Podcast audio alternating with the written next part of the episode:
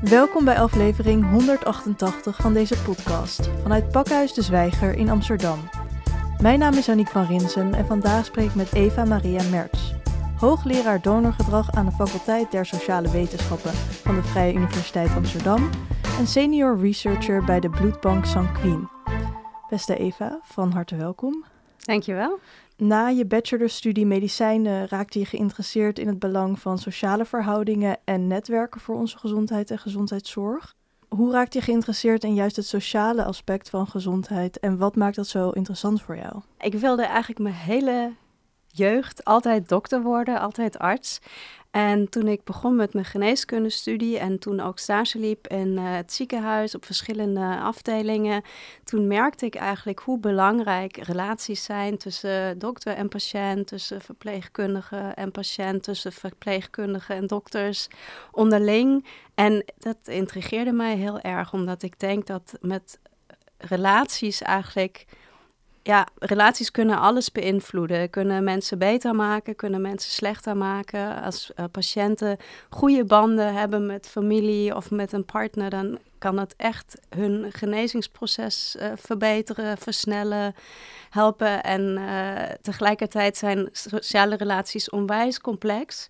En daarom ben ik erg geboeid door. Ik kan me ook ergens voorstellen dat daar binnen juist de medische wetenschap veel minder ruimte voor is. Uh, maar dat je is in de context van zo'n ziekenhuis dat soort dingen je wel opvallen. Weet je nog specifieke voorbeelden die je toen de, der tijd zag en dacht van, oh, ik wil eigenlijk hier meer over weten of hoe we dat beter kunnen doen? Ja, bijvoorbeeld ook enorme tijdsdruk die uh, mensen of zorgprofessionals in het ziekenhuis ervaren, die naar mijn idee ook een beetje ten koste van patiënten en hun uh, ja, hun genezingsproces gaat. En, en dat tijdsgebrek, dat, dat was iets wat, wat mij toch, eh, ja, het leek alsof het erbij hoort of, of dat ook niet uh, beter zou worden in de toekomst. En ik als, als, als stagiaire, ik had natuurlijk wel tijd om met mensen te praten en, en erbij te gaan zitten. En dat heeft mij eigenlijk heel veel voldoening gegeven. En ik dacht van, oh, ik wil dat niet alleen in de praktijk brengen, maar ik wil hier eigenlijk ook theoretisch meer over te weten komen. En toen ben ik met geneeskunde gestopt en een studie sociale wetenschappen begonnen. Om hier eigenlijk ook gewoon meer de, ja, de theorie daarachter, het onderzoek uh, ernaar te leren kennen. En kon je binnen die studie sociale wetenschappen je dan al best wel snel ook weer richten op die gezondheidszorg? Kon je die brug makkelijk vinden of was dat ook nog wel een beetje een zoektocht? Ja, dat, dat was wel een zoektocht. Ik was altijd echt geïntegreerd door uh, de medische wereld, door geneeskunde, door gezondheidsvraagstukken. In mijn studie was het aan het begin, ging het echt meer ook, ik heb een combinatie gedaan uit, uit drie vakken, sociologie, uh, psychologie en pedagogiek. Dat kon daar toen in Berlijn, waar ik studeerde. En het ging veel ook over bijvoorbeeld uh, attachment theorie. Dat is uh, een theorie over de ouder-kind relatie gedurende de levensloop. En, en ik kon gewoon zien dat dat heel erg bepalend is voor, of ik heb geleerd dat dat heel erg bepalend is voor kinderen en hoe zij zich ontwikkelen. En dus ook uiteindelijk voor hun uh, gezondheid of voor eigenlijk de gezondheid van het hele gezin of de familie. En um, daardoor heb ik uiteindelijk ook wel weer de link kunnen leggen naar, naar de medische wereld.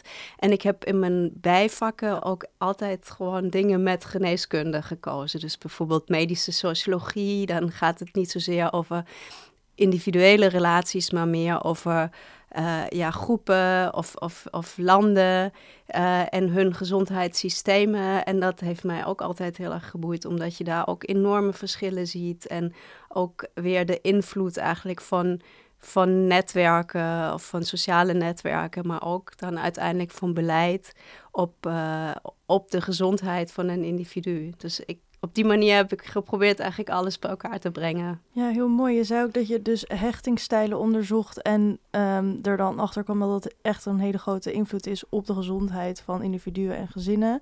En dat je daarmee de link naar uh, de medische wereld uh, weer maakte. Maar is er binnen de medische wereld dan ook ruimte om iets met die kennis te doen? Of denken ze meer van, dit is interessant, maar wat is de rol van medici hierin? Zeg maar, hoe wordt die brug wel of niet geslagen? Ja, ik denk dat er, dat er veel aandacht voor is, steeds meer aandacht voor komt ook. Het mag misschien ook nog wel meer.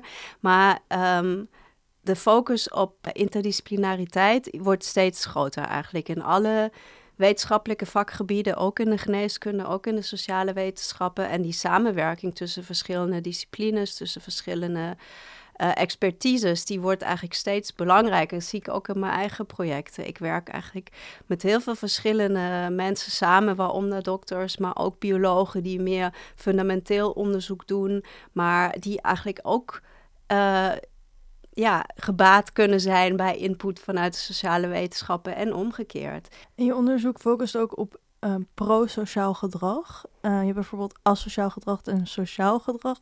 Hoe verschilt pro-sociaal gedrag van sociaal gedrag? Of is het hetzelfde? Pro-sociaal gedrag betekent dat het iemand anders, uh, dat het een benefit is voor iemand anders. Eigenlijk doe je iets voor iemand anders om degene te helpen beter te maken. En het is soms uh, ook met kosten voor jezelf verbonden. Dus je, je, je, ja, je zet iets van jezelf in. Dat kan op heel veel verschillende manieren. Dat kan zijn tijd, dat kan zijn geld, dat kan zijn uh, bloed. Uh, dat kan ook mantelzorg zijn. En je, je brengt kosten of, of je, je hebt kosten, maar het is wel ten, ten goede van een andere persoon. Dus dat is prosociaal. Sociaal is meer eigenlijk dan in evenwicht. Hoe ben jij op dat spoor van prosociaal gedrag gekomen en um, wat zijn bepaalde inzichten die je vanuit dat kader hebt geleerd, die je nu kan toepassen op donorgedrag? Toen ik afgestudeerd was in uh, Berlijn, toen ben ik naar Nederland gekomen voor een PhD, voor promotieonderzoek. En dat uh, onderzoek dat ging over ouder-kindrelaties op, uh, op volwassen leeftijd. En um, daar komt eigenlijk nou ja, dan, daar heb je ook weer twee aspecten die heel belangrijk zijn. Namelijk de relatie die je met elkaar hebt, de, de verbinding, de kwaliteit van de relatie. Die eigenlijk ja, die je meeneemt uit de jeugd van de kinderen. En tegelijkertijd ook dat voor elkaar zorgen. Want ouders zorgen voor hun kinderen als die jong zijn. Maar deze relatie die kan heel vaak later omdraaien. Dan zorgen volwassen kinderen voor hun ouders, uh, bieden mantelzorg.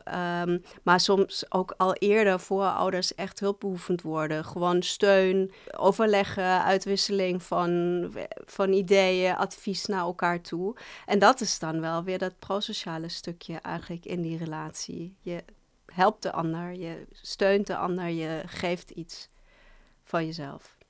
En wat zijn verschillende theorieën binnen prosociaal gedrag? Waar eigenlijk met name veel over gesproken wordt als het om prosociaal gedrag gaat, is altruïsme. En altruïsme, daar is eh, heel veel ook vanuit de wetenschap over geschreven.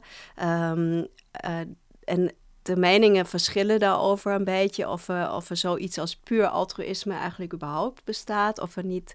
Want puur altruïsme zou zijn: je doet iets uh, voor iemand anders, of voor een groep, of voor, voor de maatschappij. Um, je hebt daarbij zelf kosten en het levert je uiteindelijk helemaal niks op. Dat is puur altruïsme, maar er wordt eigenlijk nu steeds meer gesproken over impuur altruïsme, omdat um, als je iets doneert, als je iets geeft, als je iemand helpt, dan kost het je wat, maar het levert je misschien ook een goed gevoel op, of blijdschap, of het idee van als je voor je ouders iets kunt doen, oh, ik kan iets teruggeven. Uh, en dan, dan is eigenlijk dat pure daar een beetje van af. En uh, je hebt in de altruïsme-theorie worden daar dan ook bijvoorbeeld verschillende typen altruïsme onderscheiden binnen dat impure altruïsme, zoals bijvoorbeeld um, wat we dan uh, noemen reluctant altruïsme. En dat, dat betekent dan dat je iets doet omdat je bang bent dat niemand anders het doet. Dus als ik het niet doe, dan doet niemand het, maar we hebben dat, dat wel nodig. Bijvoorbeeld genoeg bloed om. Uh, voor, voor de gezondheidszorg of organen uh, voor transplantatie. En op die manier um, ja, wordt dan eigenlijk die overweging of de motivatie van een individu beïnvloed door externe factoren. Dus eigenlijk heeft prosociaal gedrag en uh, altruïsme ook best wel veel met ja, filosofie en moraliteit en psychologie te, te maken eigenlijk. Van ik wil dat de wereld zo is of ik voel een bepaalde soort verantwoordelijkheid. Ik denk dat het inderdaad wel een, een samenspel van verschillende factoren is. Vanuit uh, een, het individu, bepaalde waarden, zoals morele waarden. Um, en ook psychologische um, mechanismen die een rol spelen. Bijvoorbeeld. Uh, uh, ja, je wil iets voor een ander doen omdat je dan denkt dat je als goed persoon gezien wordt. Uh, daarnaast sociale factoren, ook uh, in wat voor netwerk zit je, wat, wat heb je ook aan, aan hulpbronnen in je eigen netwerk, waardoor je zelf toch ook wel weer eigenlijk in staat gesteld wordt om, om iets te bieden, om iets te geven. En dan heb je daar, daarboven eigenlijk nog een meer een breder niveau van, van maatschappij of van cultuur, waar ook weer bepaalde waarden of normen belangrijk zijn om, uh, voor, individueel gedrag, of die individueel gedrag kunnen beïnvloeden. En hoe ben je eigenlijk van dus uh, relatie tussen ouder-kind en hechtingstijlen in de bloeddonatie uh, gerold? Ja, ja, dat was eigenlijk gewoon een beetje toeval. Ook al probeer ik het achteraf ook een beetje met een rode draad uh, te, te, verbinden. te verbinden. Om, om, door te zeggen, nou ja, het, is, het gaat steeds eigenlijk om prosociaal gedrag. Zorgen voor ouderen, ouders is, uh, is, een, is, is steun bieden. En uh, bloed doneren is op een andere manier aan iemand anders steun bieden. Maar eigenlijk was het gewoon toeval. Ik heb een postdoc gedaan een aantal jaren bij een, bij een demografie-instituut in Den Haag. En dat contract liep af. En ik had tegen die tijd twee jonge kinderen. En ik woonde in Amsterdam. Dus ik dacht, ik wil eigenlijk ook best in Amsterdam kijken of ik daar een baan kan vinden.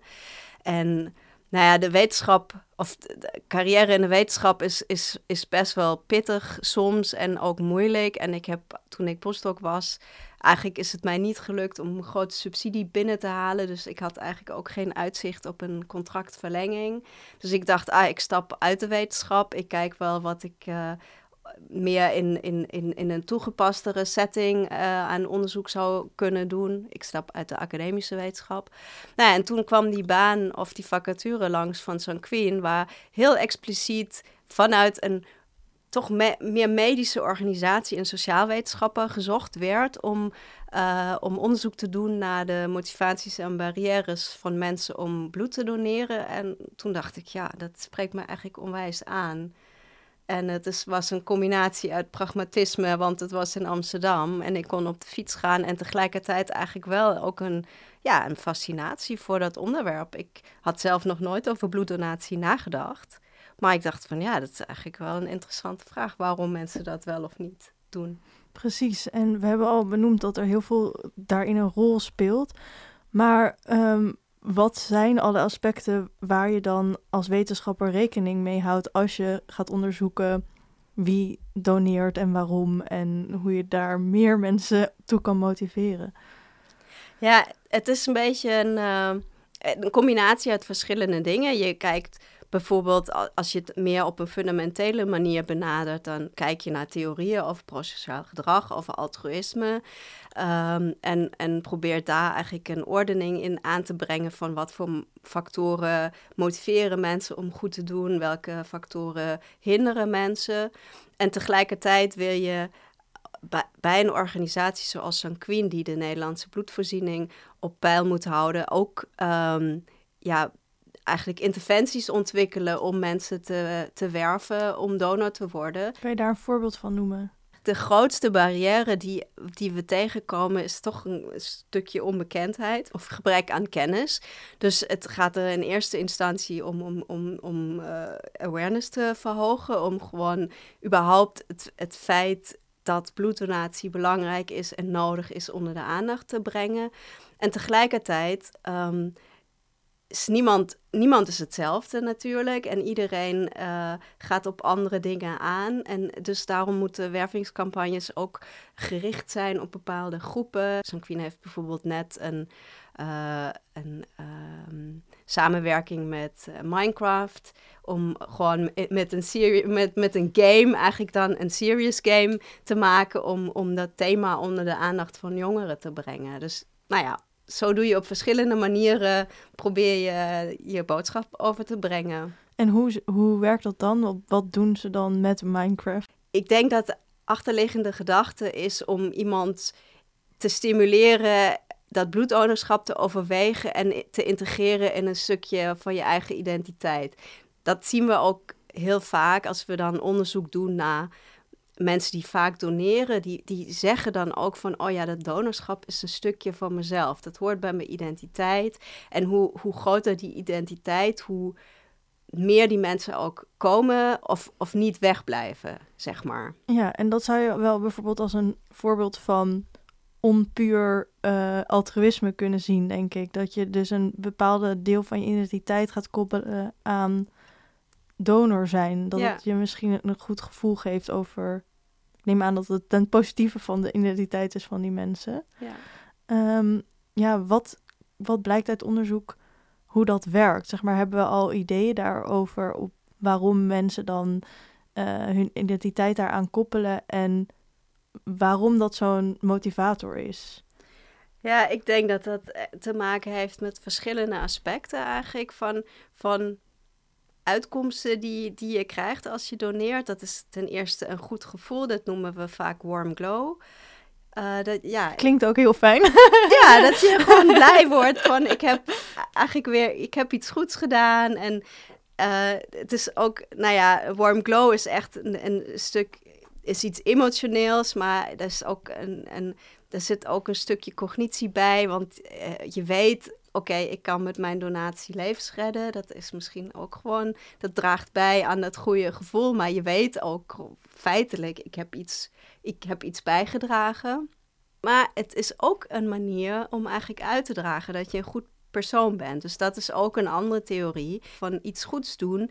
En dan, zeker als je het in het openbaar doet, zoals op een bloedafnamelocatie, dan, dan signaleer je ook, oh, ik ben een goed persoon naar anderen. Want ik heb het uh, voor over om een half liter bloed bij mij te, af te laten tappen om patiënten die ik niet eens ken. Want zo is het systeem in Nederland. Je weet niet welke patiënt je donatie uh, ontvangt om, om een onbekende patiënt te helpen. Dus kijk, ik ben een goed persoon. En dat is ook weer, ja, toch een, misschien een bijdrage aan je identiteitsvorming. Van je ziet jezelf als een goed persoon die bijdraagt aan de maatschappij, een goede burger is, iets over heeft voor een ander. En zo, zo bouw je eigenlijk zo'n eh, donoridentiteit op. Ja, en als je kijkt dus naar um, manieren waarop mensen nog niet doneren, dan zeg je een, een groot deel is bewustwording. Eén op de vier mensen in, heeft in het leven wel eens bloed nodig. Dat is echt best wel veel. Um, wat zijn verschillende redenen waarom zoveel mensen wel eens in hun leven bloed nodig hebben? Ja, er zijn verschillende groepen patiënten die bloed nodig hebben. Eén groep is, zijn acute uh, transfusies die nodig zijn bij, bij ongelukken of bij zware bevallingen met veel bloedverlies. Uh, maar de, het grootste, uh, de grootste groep patiënten die bloed nodig heeft zijn kankerpatiënten. Die vaak um, verzwakt door chemotherapie eigenlijk een, een energy boost nodig hebben door bloed van een, van een donor om hun uh, weer een beetje op te, te lappen. Dus een groot deel van het bloed gaat naar kankerpatiënten. Dan zijn er ook patiëntengroepen zoals bijvoorbeeld sikkelcelziekte patiënten die chronische transfusies nodig hebben. Die dus om de paar weken eigenlijk een transfusie nodig hebben omdat, ze in hun, omdat hun eigen bloed of hun eigen rode cellen afwijken en daardoor de zuurstofverzorging van het lichaam niet goed genoeg op zich kunnen nemen. En een, een zakje donorbloed kan dat dan weer verhelpen voor een tijdje en dan is het op een gegeven moment is er dan weer een nieuwe transfusie nodig. Dus dat zijn eigenlijk grote groepen of groepen met, uh, die, die rode cellen nodig hebben. En ongeveer 2% van de bevolking uh, doneert wel eens bloed. dat klinkt best wel weinig, ook zeker eh, met die cijfers die we net hebben genoemd. Is er dan ook echt chronisch een tekort aan bloed? Nee, zo zou ik het niet willen zeggen. Er zijn te tekorten op bepaalde vlakken, maar is niet een heel groot tekort aan rode cellen. Voor de meeste patiënten is er in principe bloed beschikbaar, behalve voor die groep van sikkelcelpatiënten. Sikkelcelziekte is een, uh, is een genetische uh, aandoening die vooral bij, bij mensen met Afrikaanse roots voorkomt. En um, Iedereen heeft verschillende bloedgroepen, maar daar zijn verschillen tussen etnische groepen. En hoe beter je het donorbloed aan het patiëntbloed matcht in termen van die bloedgroepen, hoe minder risico's er eigenlijk zijn bij transfusies. En helaas is het zo dat in het Nederlandse donorbestand met name witte mensen oververtegenwoordigd zijn. En de groep uh, zwarte donors of donors uh, van kleur is eigenlijk heel erg klein. Waardoor voor die specifieke groep van sikkelcelpatiënten het soms moeilijk is om de juiste bloedproducten te, te hebben en te vinden. En met name omdat uh, die chronische transfusieschema's zijn, waardoor je steeds weer eigenlijk geschikt bloed nodig hebt. Precies, dus het is eigenlijk ook nodig om te kijken naar die specifieke bloedgroepen en waar daar tekorten zijn en hoe je die groepen kan oproepen om te doneren. Ja, wat ik zei, hè, bewustwording is een grote factor die eigenlijk eh, een rol speelt bij het niet doneren. Uh, kennis, maar ook meer praktische zaken. Uh, zoals uh, een afnamelocatie moet ook een beetje in de buurt zijn. Of er moeten ook gewoon geschikte openingstijden zijn. Dus heel veel dingen zijn eigenlijk ja, vrij praktisch. En niet, uh, niet heel erg mooi ge geleerd aan identiteit of aan, aan, aan morele waarden. Maar toch veel meer in het organisatorische.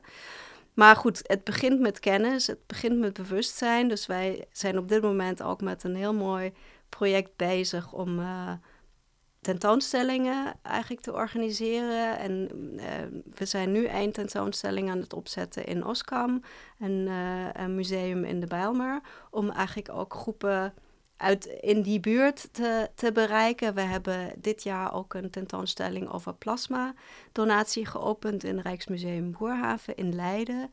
Want plasma is eigenlijk het andere bloedproduct, of is een, een, bloedproduct waar we grote tekorten hebben, want de vraag naar plasma stijgt eigenlijk elk jaar enorm. En uh, plasmadonors zouden we ook nog meer willen verwelkomen. Want je hebt dus uh, bloeddonatie en bloedplasma-donatie. En dat, zijn dat de twee uh, dingen? Of is het hetzelfde? Zeg maar, hoe werkt dat precies? Ja, nou, het meest bekende is een zogenaamde volbloeddonatie. Dan um, ga je naar een afnamelocatie en dan wordt er een halve liter bloed afgenomen.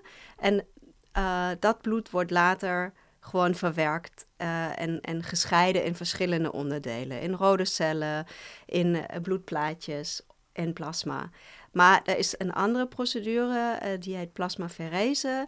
En daar wordt eigenlijk alleen maar plasma bij iemand afgenomen. Dan wordt er um, met de machine het bloed wat, wat uh, afgenomen wordt, wordt gescheiden en de rode cellen worden teruggegeven aan de donor en het plasma wordt opgevangen.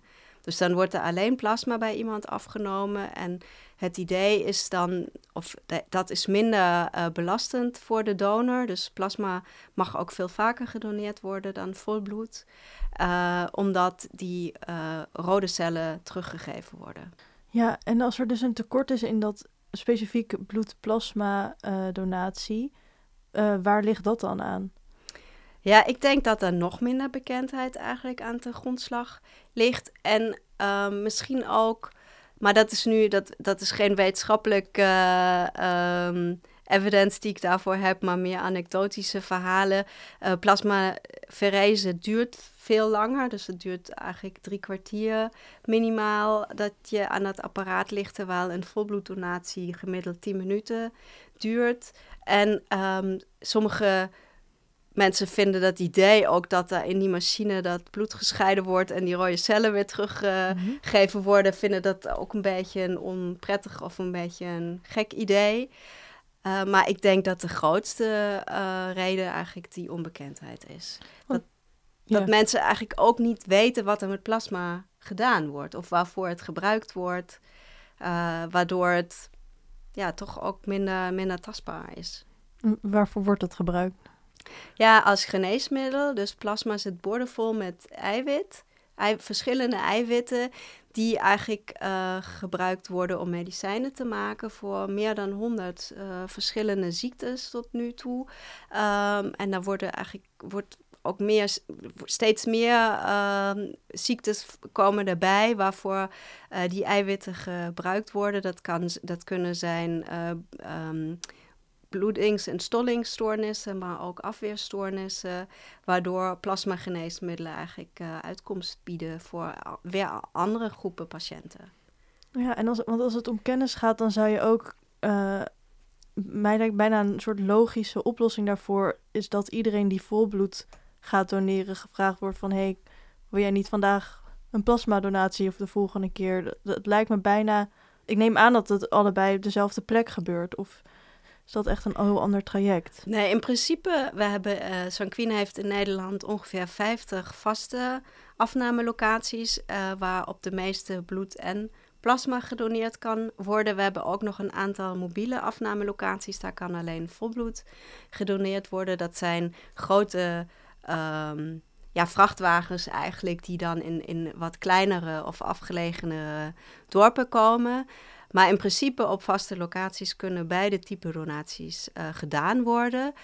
Alleen niet iedereen is geschikt als plasmadonor. Dat heeft met uh, bloedvaten te maken. En ook niet iedereen wil zijn queen als plasmadonor, want dat heeft weer met de bloedgroepen te maken. Bijvoorbeeld uh, mensen met, met um, O bloedgroep, O plus of nog liever O negatief. Uh, die, dat zijn hele gewilde volbloeddonors. En die worden dan niet gevraagd om plasmadonor te worden. Want welke bloedgroepen zijn er ook alweer? En um, hoe zit dat met, je zei net al, uh, hoe dichterbij je eigen bloedgroep, hoe, hoe meer het lichaam het zelf opneemt. Maar hoe werkt dat dan dat, dat, dat je eigenlijk bloedgroepen niet goed kan mengen met elkaar? Ja, nou ja, er zijn de bekendste bloedgroepen zijn het AB0-systeem en het Rhesus-systeem. Dat is positief en negatief. En um, als je niet op AB0 en Rhesus matcht, dan gaan mensen ook echt wel dood als, uh, als ze dat Heftig. bloed krijgen. Daarnaast er worden eigenlijk steeds weer bloedgroepen ontdekt. We hebben op dit moment ongeveer 30 verschillende bloedgroepen, systemen, waar dan weer binnen een systeem heb je dan weer verschillende bloedgroepen. Dus in totaal zijn er iets van meer dan 300 bloedgroepen bekend. En dat zijn, um, ja, dat is nu, wordt het best wel medisch en ik weet ook niet of ik het helemaal goed kan uitleggen. Maar als je um, aan een patiënt die een bepaalde bloedgroep niet heeft, een uh, donor, donorbloed geeft van uh, iemand die deze bloedgroep wel heeft, dan maakt de patiënt zogenaamde antistoffen aan tegen die bloedgroep van dat donorbloed. En dat kan allerlei negatieve reacties uh, veroorzaken. Tot aan, als je op bepaalde bloedgroepen niet matcht, tot aan doodgaan. Precies. Dus dat maakt het dus ook belangrijk om te zorgen dat voor elke bloedgroep genoeg bloed is. Ja. En je kan je bloedgroep, neem ik aan, er, daarachter komen door dus bij Sanquin uh, langs te gaan. Ja, um, precies. Hoe gaat het in zijn werk als je bloed doneert bij Sanquin? Ja, de eerste donatie is voor veel mensen spannend. Uh, en voor sommige mensen zijn de tweede en de derde en de tiende donatie ook altijd nog een beetje spannend. Maar je, wordt, uh, je gaat naar de afnamelocatie en dan wordt er, moet je een vragenlijst invullen bij elke donatie. Er wordt dan vragen gesteld over medicatiegebruik, over of je wel of niet ziek bent geweest de afgelopen tijd, of je bij de huisarts of bij een specialist bent geweest, of je zwanger bent geweest. Allerlei verschillende vragen over um, ja, medische dingen, maar ook over gedrag. Dus over risicogedrag, over reisgedrag. Uh, om, om eigenlijk zowel de donorgezondheid als de patiëntgezondheid te beschermen. En um, als die vragenlijst ingevuld is, dan krijg je een gesprek met een donorarts of een donorassistent. Ik denk bij de eerste donatie eigenlijk altijd met een donorarts. Dan wordt het allemaal doorgelopen en uh, dan wordt ook um, de hemoglobinewaarde bepaalt in je bloed. Hemoglobine is, is een, uh, een proxy eigenlijk voor, je ijzer, uh, voor het ijzergehalte in je lichaam. Want als je een halve liter bloed uh, afneemt bij iemand, dan wordt er ook veel ijzer weggehaald uit iemands lichaam. En als je ijzerwaarde, wat dan bij proxy bepaald wordt door de HB-waarde, te laag is, dan kan je beter een tijdje niet doneren, want je lichaam moet dan wel weer op uh, kracht komen. Uh, dan wordt bloeddruk gemeten, dat dat ook allemaal een beetje in een normaal tempo. Ja, precies in een normale range is. En als dat allemaal goed is, ja, dan, dan ga je naar de afnamezaal. En daar staan dan eigenlijk, uh, ja, we noemen het donorbedden. Het zijn een beetje van die hele lekkere stoelen die ook een beetje plat kunnen. Je zo'n massagestoel. Ja, het is zonder massage, maar het is wel ook met een voetsteun. En je zit een beetje in een halfliggende positie. En dan, uh, ja, dan wordt toch uiteindelijk wel die naald uh, in je arm ge, gestoken. En bij een eerste donatie wordt wel heel goed voor de donor gezorgd. Dan is eigenlijk de hele tijd iemand die degene in de gaten houdt en die ook uh, tussendoor wat te drinken brengt. En die, vraag, ja, die probeert eigenlijk een beetje steun, sociale steun te geven aan zo iemand die dan voor het eerst komt. Maar zoals ik eerder zeg, een volbloeddonatie, want in principe is in Nederland elke eerste donatie van iemand een volbloeddonatie met één uitzondering, dat kan ik straks wel uitleggen. Um, ja, is het eigenlijk met 10 minuten alweer gepiept. En dan uh, inderdaad piept het apparaat als, de halve liter, als er een half liter in de afnamezak zit. En dan wordt mhm. de naald afgekoppeld. En dan wordt er bij, na een eerste donatie ook wel gevraagd of de donor nog even wil blijven liggen. En een beetje uh, ja, ontspannen. Dan krijg je wat te drinken en ook een koekje of een roze koek, heel populair. of iets anders met snoep. En dan mag je in principe weer naar huis gaan als je je lekker voelt. En anders word je nog even in de gaten gehouden. Ja, en een halve liter bloed klinkt voor mij best veel. Maar um, hoeveel liter bloed he heeft een gemiddeld persoon? Ik denk gemiddeld ongeveer 5, 5 liter, 5,5 liter. Het hangt wel af van iemands uh, lengte en gewicht. Mm -hmm. Dus het is uh, grote mensen of uh, grote brede mensen hebben meer bloed dan, dan kleine, hele lichte mensen. Maar in principe kan iedereen een halve liter missen vanaf, het is wel een van de selectiecriteria, is ook een minimumgewicht van 1 of 52 kilo. Want ja, een halve liter bloed klinkt nog steeds wel veel, ook en ik weet wat het totale liter bloed in het lichaam is. Um, hoe kan het dat je eigenlijk zo'n vrij groot gedeelte van je bloed wel kan missen? Wordt dat heel snel weer opnieuw aangemaakt? Of? Ja, het wordt eigenlijk uh, best wel snel weer aangemaakt. Um, en de, er is ook om, om, die, ja, om, de, om het lichaam de voldoende gelegenheid te geven om dat allemaal weer te herstellen, is er ook een minimum interval tussen twee donaties. Um, dat is bij mannen korter dan bij vrouwen, omdat vrouwen vaak minder bloedvolume hebben, maar ook, uh, ook bloedverlies. Uh, bloedverlies hebben door menstruatie. Dus vrouwen uh, mogen uh, moeten langer wachten tussen twee donaties en mogen in totaal ook uh, drie keer per jaar doneren, terwijl mannen uh, vijf keer per jaar mogen geven. Heb je zelf wel eens bloed gedoneerd? Ja, Doe je het regelmatig of heb je het meer uh, anekdotisch een keer uitgeprobeerd? Nou ja, ik wilde sowieso natuurlijk uitproberen hoe het, hoe het werkt. En ook zien wat er, ook voor mijn onderzoek, zien wat er, wat er allemaal bij komt kijken. Mm -hmm. En mhm. ook op welke aspecten je eigenlijk interventies zou kunnen toepassen. Hè? Zowel op, op individueel niveau, maar ook op organisatieniveau. Want wij hebben bijvoorbeeld ook gevonden in een van onze studies dat het heel belangrijk is dat, dat je dat donors zich goed bejegend voelen tijdens een donatie, dat ze vragen kunnen stellen, dat ze serieus genomen worden, dat wachttijden niet te lang zijn als je komt. Um, en dat wilde ik eigenlijk, al die aspecten wilde ik zien en leren kennen. En uh, daarom ben ik gaan doneren. Maar ik moet zeggen dat ik eigenlijk wel regelmatig ga.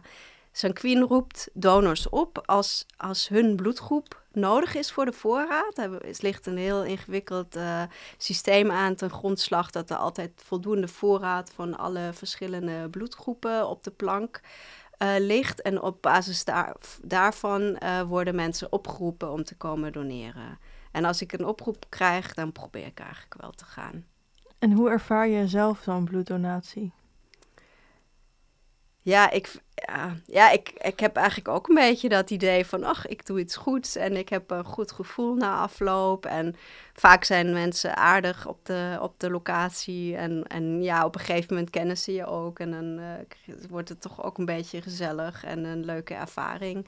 En ik heb ook het geluk dat ik ook niks ik heb ook niks. Ik, sommige mensen krijgen hele grote blauwe plekken. Of die worden een beetje duizelig. Of heel erg moe na afloop. Dat heb ik allemaal niet. Dus ik vind het eigenlijk ook altijd wel, wel heel leuk als ik het gedaan heb. En ook altijd een klein beetje spannend voor ik het ga doen.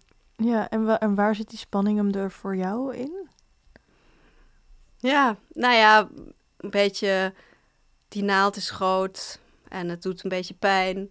En ook daarvoor van, uh, ik heb ook zo'n witte jassenbloeddruk die dan heel erg omhoog kan gaan als iemand hem meet. Terwijl ik eigenlijk verder helemaal geen problemen heb met bloeddruk. Maar op dat moment kan het dan zomaar heel hoog worden. En dan, nou ja, dan, dan is het toch een beetje spannend van hoe zou het deze keer zijn.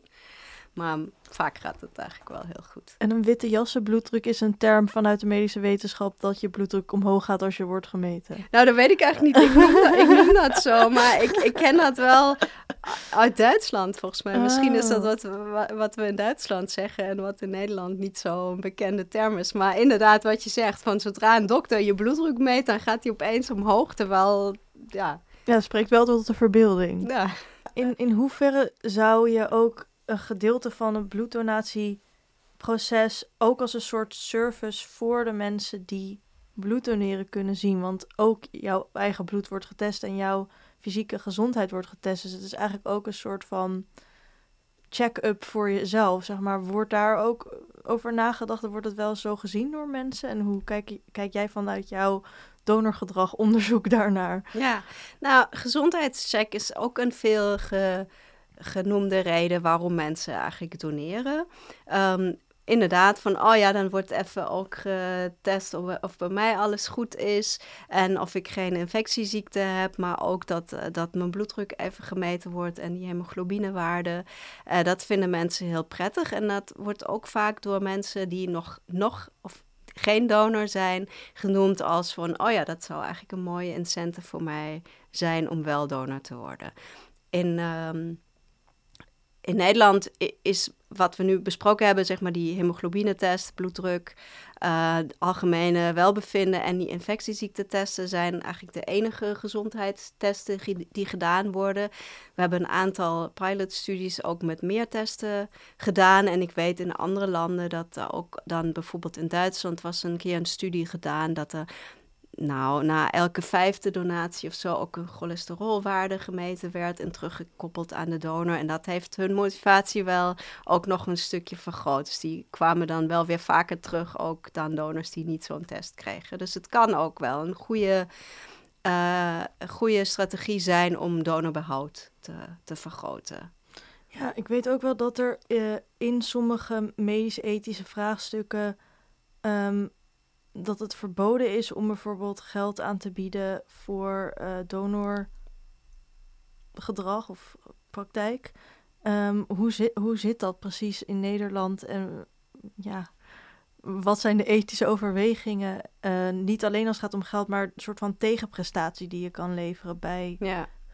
Ja, in principe gaat, een, een, een, gaat het Nederlandse systeem uit van een vrijwillige donatie. En is ook uh, het financieel, uh, of het financieel compenseren van donors op reiskosten na, zeg maar, verboden bij wet. Dat is de wet in zaken bloedvoorziening. Um, en dan de niet-financiële incentives, zoals een, een roze koek of een, uh, een gadget na, na vijf donaties, zoals een sleutelhanger of een armbandje. Nou ja, dat is toch een, een, dat is een grote discussie en dat is toch ook uh, ja, heel erg afhankelijk van interpretatie en ook van, van de sociale normen. Um, ik heb bijvoorbeeld ook een, een vergelijkende studie gedaan in Europese landen, waar we hebben laten zien dat uh, incentives kunnen werken. Dat kunnen zijn financiële incentives, maar dat kan bijvoorbeeld ook uh, tijd uh, vrij betaald, vrij krijgen van je werk. Maar ook bijvoorbeeld een beetje grotere cadeaus, zoals een, een bioscoopbon of een, een giftcard. dat die kunnen werken, maar alleen eigenlijk als de, de sociale norm in dat land ook is dat dat geaccepteerd is. Dus als mensen, als de, als de sociale norm is van nee, dit hoor je vrijwillig en onbetaald of onvergoed of ongecompenseerd te doen, dan kunnen incentives ook juist weer averechts werken. Dus het is heel belangrijk om, in, om dat ook in, uh, in gedachten te houden bij het maken van beleid. Dat, dat alles, niks vindt in een vacuüm plaats. Alles heeft in een context. En dus ook de context van hoe wij in Nederland bloed inzamelen, hier is maar één instelling die dat doet. In andere landen heb je bijvoorbeeld verschillende organisaties die dat doen. Dat dat allemaal meespeelt voor die individuele donormotivatie. Ja, want ik neem aan dat directe geldcompensatie uh, niet mag, omdat je niet wil dat um, mensen die in een financiële precaire situatie zitten worden uitgebuit. Um, en dus dan neem ik aan dat die soort die compensatie met eventueel een, een bioscoopbon dat dat dan kan omdat een bioscoopbon is misschien niet zo interessant voor iemand die in een financieel heel precaire situatie zit. Maar dat lijkt me ook best een moeilijke afweging. Nee, dat, dat, dat, is het ook. Dat is heel moeilijk. En uh, er is heel veel, op dit moment ook heel veel discussie na, omdat er in uh, veel landen eigenlijk nagedacht wordt over meer compensatie. Ook met oog op die stijgende vraag naar plasma. En met name plasmadonors worden vaak vaker betaald, in, in, bijvoorbeeld in Amerika, maar ook in Tsjechië, in uh, Europa. En daar komt die vraag toch steeds meer op. Maar ik denk ook hier, je moet echt weer heel goed ook naar, naar de context uh, kijken en naar de cultuur van een land. Want bijvoorbeeld in Amerika met, met, het, met het zorgsysteem daar heb je een hele andere situatie dan in Europese landen, waar eigenlijk in principe de gezondheidszorg voor iedereen beschikbaar is. Waardoor je daar dan ja, toch ook min, minder afhankelijkheden hebt dan, dan in landen waar, waar toch zo grote sociale ongelijkheid heerst. En tegelijkertijd heeft het ook weer te maken natuurlijk met, met, met de waarde van, van dat soort incentives. Uh, ja, is een bioscoopbon is 15 euro waard? Hoe, is dat veel? Is dat weinig? Ja, dat is toch echt een kwestie van ja, deels van interpretatie en tegelijkertijd zijn dit vaak ook empirische vragen die we, die we moeten benaderen zonder dat sentiment wat er vaak omheen speelt. Van, oh, maar het is fout om, uh, om donors te betalen. Nou, dat, dat is denk ik, dat is een morele kwestie, maar de, de vraag van werkt het of werkt het niet voor dat mensen komen, dat mensen blijven, dat is toch ook een empirische vraag. En als je dan specifiek naar Nederland kijkt, wat uh, leert de empirie ons dan? Nou, wat, ik, wat ik al zei, hè, incentives werken onder bepaalde um, voorwaarden. Namelijk dat ze geaccepteerd zijn in een land, dat het, dat het redelijk lijkt om, om dat ervoor te krijgen, dat het niet buitenproportioneel uh, ervaren wordt. En bijvoorbeeld in Nederland hebben we op dit moment uh, een, een locatie in Utrecht, uh, die noemen we de Powerbank, waar uh, plasma uh, gedoneerd kan worden, alleen plasma. En dat is, een, het is eigenlijk een pilotproject geweest, waar heel veel dingen uitgeprobeerd werden om, om, om eigenlijk donorgedrag te, beïnvloeden en, en meer donaties te stimuleren. En dat was deels een, een beetje een andere sfeer creëren, een weg uit die wat, medische setting, geen, geen witte jassen of minder witte jassen, uh, um, meer een mooier aangeklede locatie, maar ook uh, een spaarsysteem. Donors op die locatie uh, in Utrecht, op de Powerbank, die kunnen met elke donatie punten sparen en die dan weer uh, eigenlijk omzetten in een cadeau naar keuze, een bioscoopbon of een, uh, een bol.com kaart. En dat is bijvoorbeeld wat donors juist als heel prettig ervaren, dat ze een keuze kunnen maken waar, hoe ze hun punten inzetten. Ten opzichte van donors die dan zeggen van ja, ik krijg wel na vijf donaties een sleutelhanger, maar ik heb eigenlijk helemaal geen sleutelhanger nodig. Dus die keuze daarin is ook weer een aspect die, die meegenomen zou kunnen worden. Los van de waarde van een incentive of van de aard ervan. Bloeddonatie is een donatie van een deel van je, van je eigen lichaam.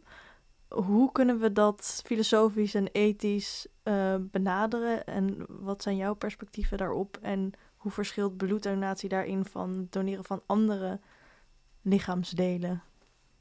Nou, ik denk een groot verschil is dat een bloeddonatie bij leven gebeurt. Hè. Dat is anders dan bij veel orgaandonaties die postmortem plaatsvinden. En uh, ook dat, eh, ja, dat zelfherstellende vermogen van ons lichaam, dat dat gewoon kan. Dat het eigenlijk wel een, het brengt kosten met zich mee, want je, uh, je um, moet tijd maken, je moet moeite doen, je gaat een halve liter bloed afstaan, het kan een beetje pijn doen, maar uiteindelijk uh, wordt, het allemaal, is, wordt het allemaal weer hersteld en, en, en heb je geen nadelen ervan of ook minimale risico's en zeker geen, uh, geen blijvende, of in principe geen blijvende schade of risico's daarop.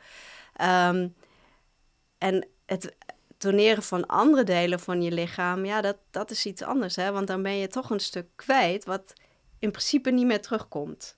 Waar ga je de komende periode op focussen in dit complexe onderwerp van donorgedrag? Ja, ja mijn hart ligt op dit moment echt bij het uh, werven van minderheden om uh, die uh, behandeling van uh, sikkelcelpatiënten te verbeteren of de beschikbaarheid van, van het juiste bloed te vergroten. Want ik denk dat we daar echt een grote verantwoordelijkheid hebben. Dat die representatie in de donorpool meer gaat lijken op de ja, op de algemene bevolking en ook op de patiëntenpopulatie. en dat we toch dat het ons gaat lukken om, uh, om die groepen op, eh, op een manier aan te spreken die, die aansluit bij hen en die, die prettig voelt en die, waardoor ze zich welkom voelen en ook die bijdrage kunnen leveren. Tot slot, heb je nog een boodschap voor onze luisteraars? Nou, overweeg een keer om donor te worden. En als je te bang bent, dan hoeft het niet. Heel erg bedankt voor je komst. Graag gedaan. Beste luisteraars, dit was aflevering 188 van de podcastserie van Pakhuis de Zwijger. Wil je meer weten? Kom dan naar het programma Bloedmooie Avond op maandag 20 november om 8 uur in Pakhuis de Zwijger. Vind je het leuk wat we doen? Overweeg dan vriend te worden via dezwijger.nl slash woord-vriend. Of abonneer je op deze podcast via Spotify, Soundcloud, Apple Podcast of een ander podcastplatform. Bedankt voor het luisteren en tot de volgende keer.